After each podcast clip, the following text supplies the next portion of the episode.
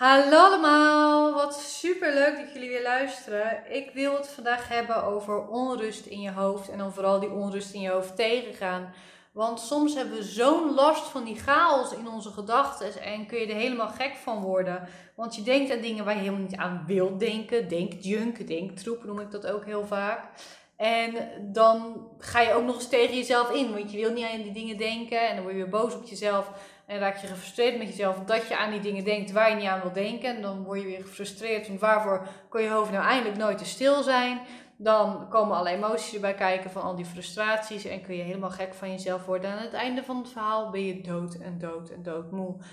In deze aflevering wil ik het er met jullie over hebben wat je er hier nu aan kunt doen. Ehm, wat hier belangrijk is om over te weten natuurlijk ook. En ik denk dat een van de allerbelangrijkste dingen die je hierover moet weten is dat die onrust in je hoofd ook een heel groot stuk te maken heeft met de werking van je hersenen. Ehm, je hersenen zijn namelijk continu bezig met nieuwe gedachten creëren. Onbewust of soms kan je dat ook bewust doen. En dat is uiteindelijk ook de truc, maar daar kom ik zo meteen op. Maar onbewust creëren jouw hersenen continu gedachten. En het, het, het vervelende, en is ook het mooie tegelijkertijd aan is, dat jouw hersenen werken met iets wat associatie heet. Uh, denk maar, als ik bijvoorbeeld zeg, aan, uh, zeg peper, dan denk jij aan zout. Als ik zeg um, groente, dan denk jij aan courgette, ik noem maar wat. Dus jouw hersenen die werken op basis van die associaties. Bij het een, daar is het ander aan gekoppeld. Bij links wordt rechts, bij rechtdoor kan je ook achteruit. En zo zijn heel veel dingen aan elkaar gekoppeld. Ook verschillende dingen op verschillende manieren. Denk bijvoorbeeld aan de kleur rood. De kleur rood die kan staan voor passie, maar kan ook staan voor woede. Dus dan is die aan twee dingen gekoppeld. Maar het kan ook gekoppeld zijn aan die mooie rode auto die jij zo graag wil hebben. Dus het is aan die drie dingen gekoppeld. En die mooie rode auto die is weer gekoppeld aan rijden op de snelweg. En rijden aan de snelweg, daar zit een herinnering aan gekoppeld van die keer dat je bijna aanrijding hebt gehad met iemand die veel te hard reed. En dat doet je weer denken aan de keer dat je bang was dat je man een aanrijding had gehad. Omdat hij um, nog niet thuis was en niet bereikbaar was. Dus dat continu associëren, dat is wat er in ons hoofd continu gebeurt. En dat kan dus positief zijn. En dat kan ook blokkerend zijn en tegenwerken. Um, ik heb in een blogbericht laatst heb ik een heel mooi voorbeeldje van gecreëerd. Die ik toch heel graag ook met jullie hier wil delen. Bijvoorbeeld dat je eindelijk rustig op de bank wil gaan zitten en je zit er eindelijk. En op het moment dat je op de bank zit, dan denk je van, oh ja, maar ik zou ook nog moeten stofzuigen. En omdat je denkt aan stofzuigen, denk je vervolgens aan van, ja, maar eigenlijk zou de eettafel ook nog even afgenomen worden. Nou, de eettafel is er weer aan gekoppeld dat je eigenlijk ook nieuwe placemats zou moeten kopen. Want de laatste keer dat je schoonzus bij was, zei ze nog wat over dat die placemats eigenlijk gewoon echt niet meer kunnen. Ze vallen bijna uit elkaar. En eigenlijk wil je daar ook weer niks van aantrekken dat ze dat zei. Maar toch voelde het als vervelend en zit er bij jou nog steeds lading op. Want wat maakt het nou uit als je placements versleten zijn? En eigenlijk wil je dat gezeur van haar ook niet meer. Want er is altijd wel wat mis als ze langskomt. En wat zal het de volgende keer wel weer zijn als ze komt? Eigenlijk heb je er helemaal geen zin meer in dat ze langskomt. En het ergste is nog die keer dat je, dat je bij je schoonouders op bezoek was. En dat, dat als je daaraan denkt, dan voel je dat nog steeds aan je buik en je hart. En zo gaat dat maar door. Zo werken jouw hersenen, zo werken jouw gedachten. Dat is hoe het werkt. En omdat onze hersenen ook tegelijkertijd gevoeliger zijn voor niet leuke dingen dan dat ze zijn voor leuke dingen, is het heel erg normaal dat we van nature vervelende, ongezellige gedachtenstromen en dus ook gedachten creëren omdat je hersenen eigenlijk in die zin bezig zijn met gevaar. En dingen die niet leuk zijn, die kunnen gelinkt zijn aan gevaar. Dus daar moeten we extra alert op zijn en extra aandacht aan besteden. En zo worden die gedachtenstromen die eigenlijk vervelend aanvoelen en die je helemaal niet leuk vindt en onrust veroorzaken, die, die worden als het ware ingesleten. Je bent getraind om zo te denken. Je bent getraind om negatieve associaties te denken en zo'n vervelende, vermoeiende, blokkerende gedachtenstroom te creëren. En eigenlijk word je helemaal gek van dat netwerk. En kan het er ook voor zorgen dat je denkt dat je dingen niet verwerkt hebt. Terwijl je ze al wel verwerkt hebt. Het blijft als die in die zin maar doorgaan. Het is een heel spinnenweb van allerlei dingen die aan elkaar gekoppeld zijn. Maar dat kan ook fijn zijn, hè? want het kan ook inderdaad gaan over vakanties. Dat je denkt van ik wil naar Griekenland op vakantie, want de vorige keer was je naar die eilanden bij Italië en dat was zo heel erg leuk. Het scheen de zon zo erg lekker. Net als die keer dat je samen met je gezin op het strand was. Dus het kan ook positief zijn, alleen zijn we getraind om die vervelendere gedachtenstromen te denken, omdat die dus meer impact maken op ons systeem, omdat onze hersenen daar simpelweg gevoeliger voor zijn. En om hier iets aan te doen, om dit te overwinnen, wil ik even refereren aan een hele mooie quote. En dat is de quote van William James. Die heeft ooit gezegd dat the greatest weapon against stress is our ability to choose one thought over another. Dus onze grootste wapen tegen stress, en stress komt voort uit die vervelende gedachtenstromen, is onze mogelijkheid om één gedachte over een andere gedachte te kiezen. En dit heeft ermee te maken dat de gedachten waar jij bewust aandacht aan besteedt, als het ware ook ingesleten raken in jouw hersenen. De, jouw hersenen reageren op waar jij aandacht aan besteedt, waar jij je op focust. Dus op het moment dat jij gaat mopperen op jouw negatieve gedachten en op jouw negatieve gedachtenstroom, besteed jij daar aandacht aan, kies jij eigenlijk voor die gedachten daardoor, ook al ben je aan mopperen, en zeg je hersenen van hé, hey, hier besteedt ze aandacht aan, hier moet ik meer van geven. Daarvoor zeggen we ook wel eens van laat die gedachten los of laat ze gewoon zijn. En ga die juist niet mee in discussie, ga die juist niet mee in gevecht, want daardoor geef je die vervelende gedachten macht.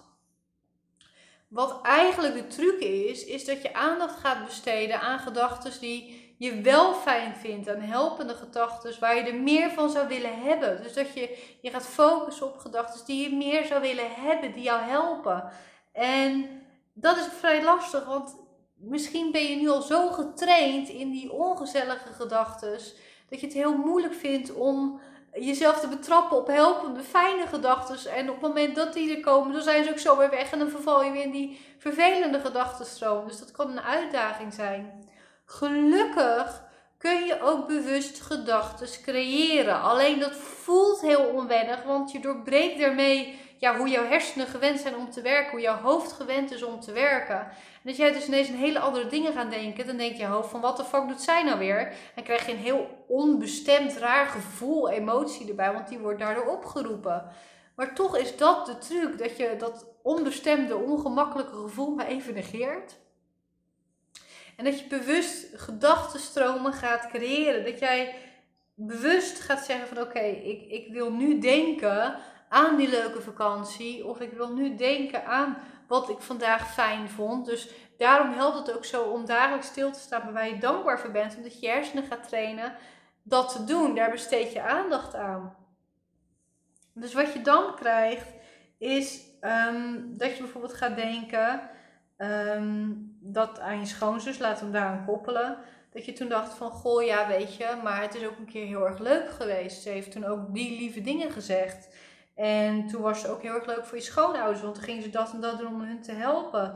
Ja, en tegelijkertijd is je man, is je partner dit meer dan waard, want het is zo'n schat. Want weet je nog de keer dat hij bloemen voor je meebracht en die keer op vakantie dat hij ineens verraste daar en daarmee. Ja, en eigenlijk ook gewoon als jullie samen op de bank zitten, dan is het zo ontzettend fijn.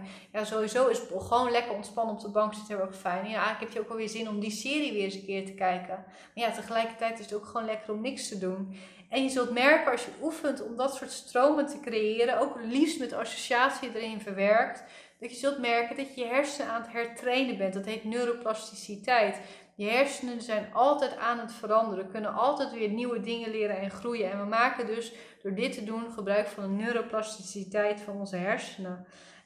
Tuurlijk komt het voor dat op het moment dat jij bewuste gedachten aan het creëren bent, dat je onderbroken wordt door een ja, vervelende gedachtenstroom. Dat jouw hersenen, dat jouw systeem ergens zegt van, ah ja, maar waar je het nu over nadenkt, hè, over dat hij wel eens een bos bloemen voor je heeft gebracht. Ja, dat, dat, dat wil je al zo lang, maar hij heeft het al zo lang niet meer gedaan. Ja, en weet je nog die keer dat hij dat en dat ook vergat en je trouwdatum vergat hij toen ook. En toen die laatste keer was hij zelfs je verjaardag vergeten, kwam hij veel te laat met een cadeautje aanzetten. Ook al zei hij dat hij het niet vergeten was, hij was het wel vergeten. Het is heel logisch dat dat soort stomme associaties je gedachtenstroom weer ineens doorbreken en dat je weer ineens in je oude patronen verkeert. En daar is niks mis mee, want je bent aan het oefenen, je bent aan het trainen om anders te denken.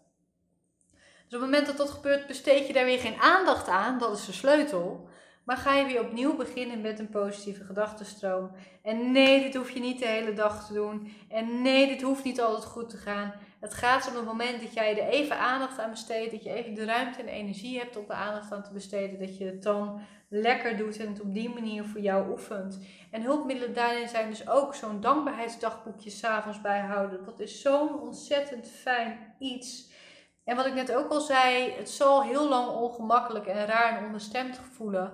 Want jouw emoties, jouw emoties, jouw gevoel zijn ook gewend aan het oude patroon. En wat dat dan gaat is gevoel maar traag.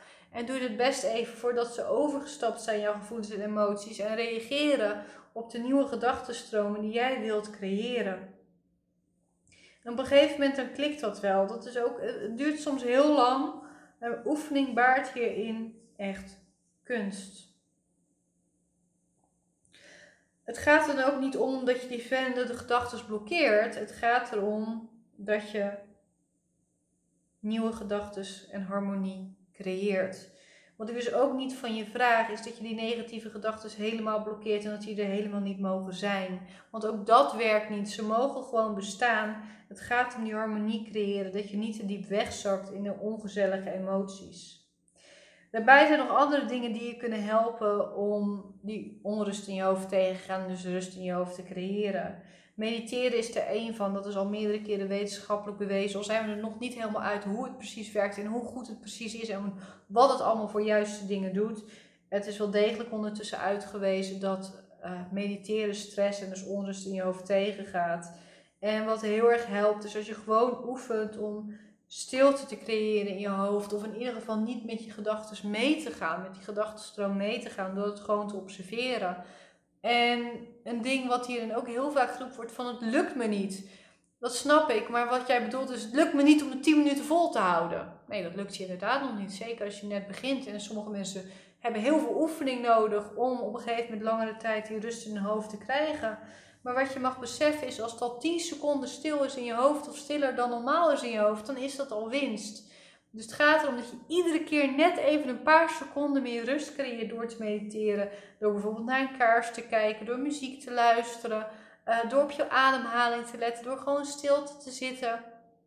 Dat je iedere keer net even wat meer stilte volhoudt. Dus de eerste keer 10 seconden, dan misschien een keer 20 seconden, dan misschien een halve minuut, dan weer een keer 10 seconden, want je hebt een terugval. Dan een keer een hele minuut en dan ineens 5 seconden, want die hele minuten was je gewoon verslag van dat je dat gelukt is. Dus de volgende keer lukt het dan helemaal even niet.